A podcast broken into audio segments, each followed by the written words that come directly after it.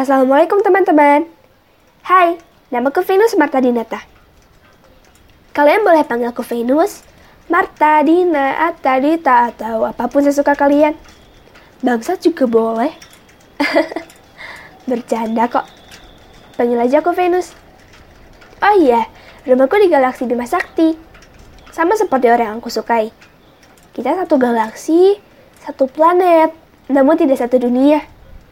Tidak satu takdir, dan tidak berada di perasaan yang sama. Ngomong-ngomong, kamu tinggal di mana?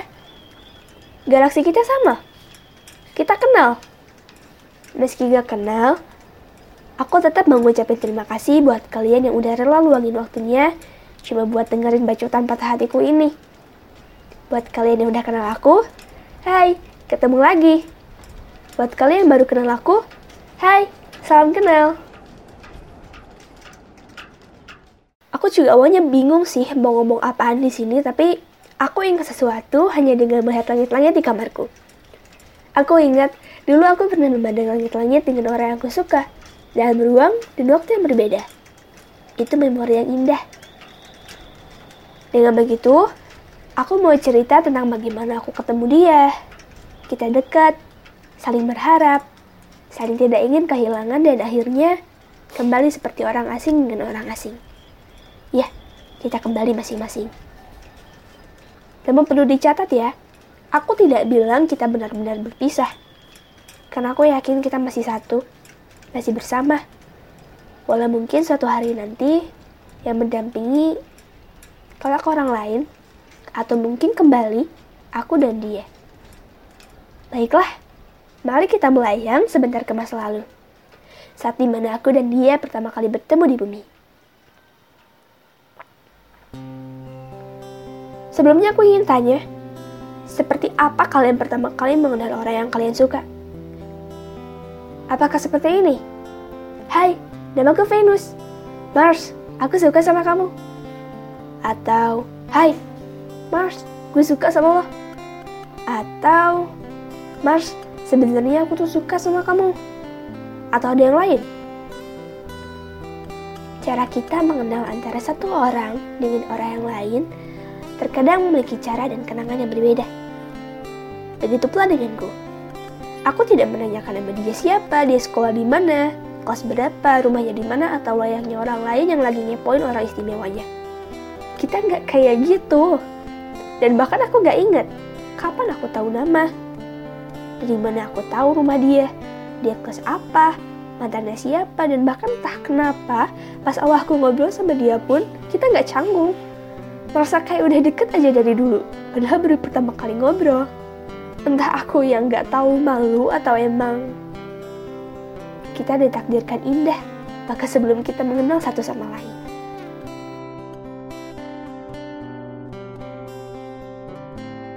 Perasaan itu muncul saat aku patah oleh orang istimewaku yang diambil oleh wanita yang jauh lebih baik dariku.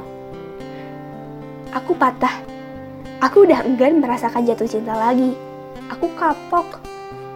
Tapi dia datang dengan gemerlap cahaya dan senyum istimewa khas milik dia. Dia bilang, patah itu wajar. Yang gak wajar itu adalah terus-menerus patah. Seolah dia adalah pahlawan patah hati yang menyelamatkan aku saat aku hendak jatuh ke lubang hitam.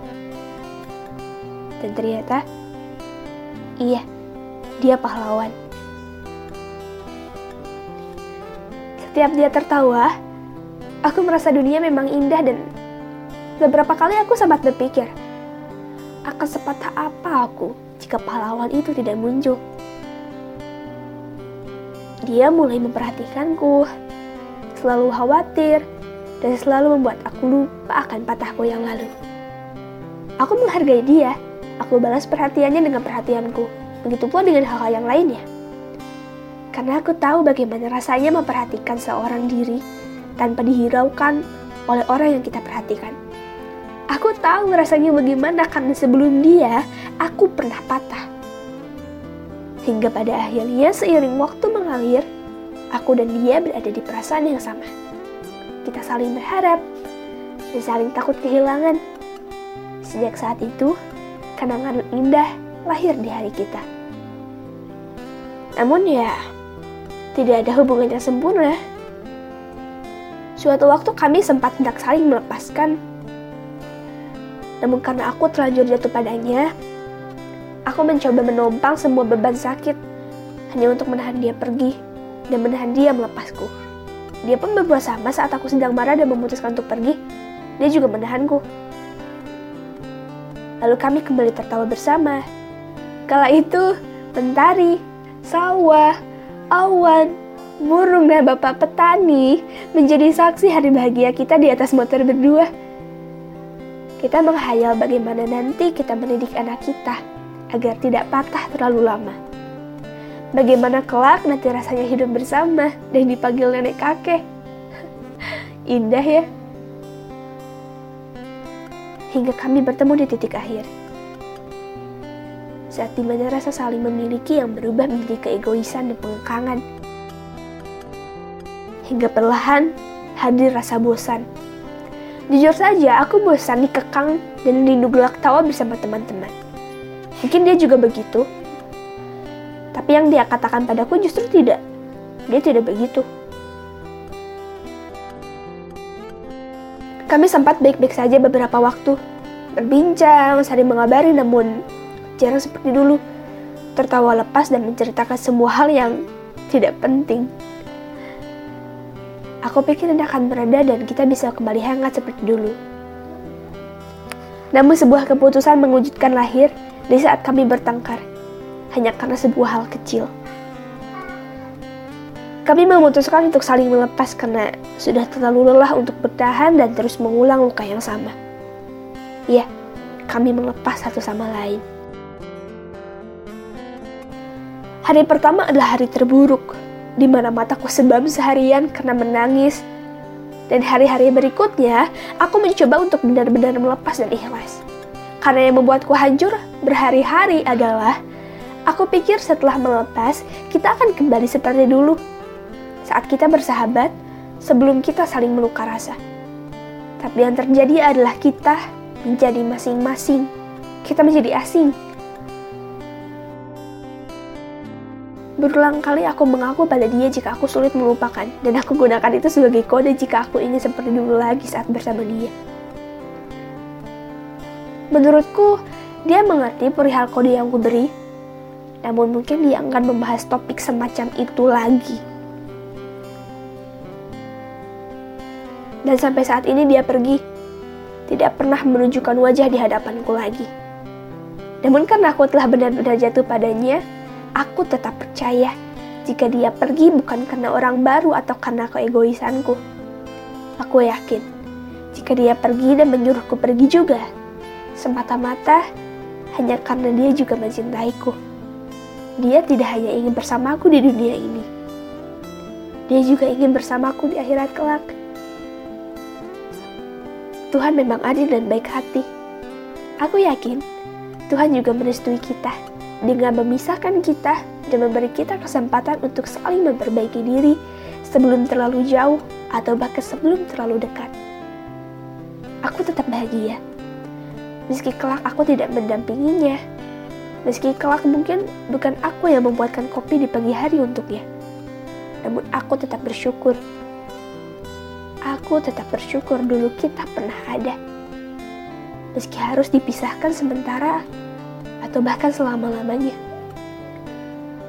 Aku sendiri berjanji tidak akan mudah percaya lagi pada orang baru dan fokus memperbaiki diri sama seperti yang dia lakukan. Mungkin untuk kita, yang pasti untuk dia dan yang paling utama untuk Allah semata. Meski aku tahu, kini aku kembali patah. Kini aku kembali butuh pahlawan.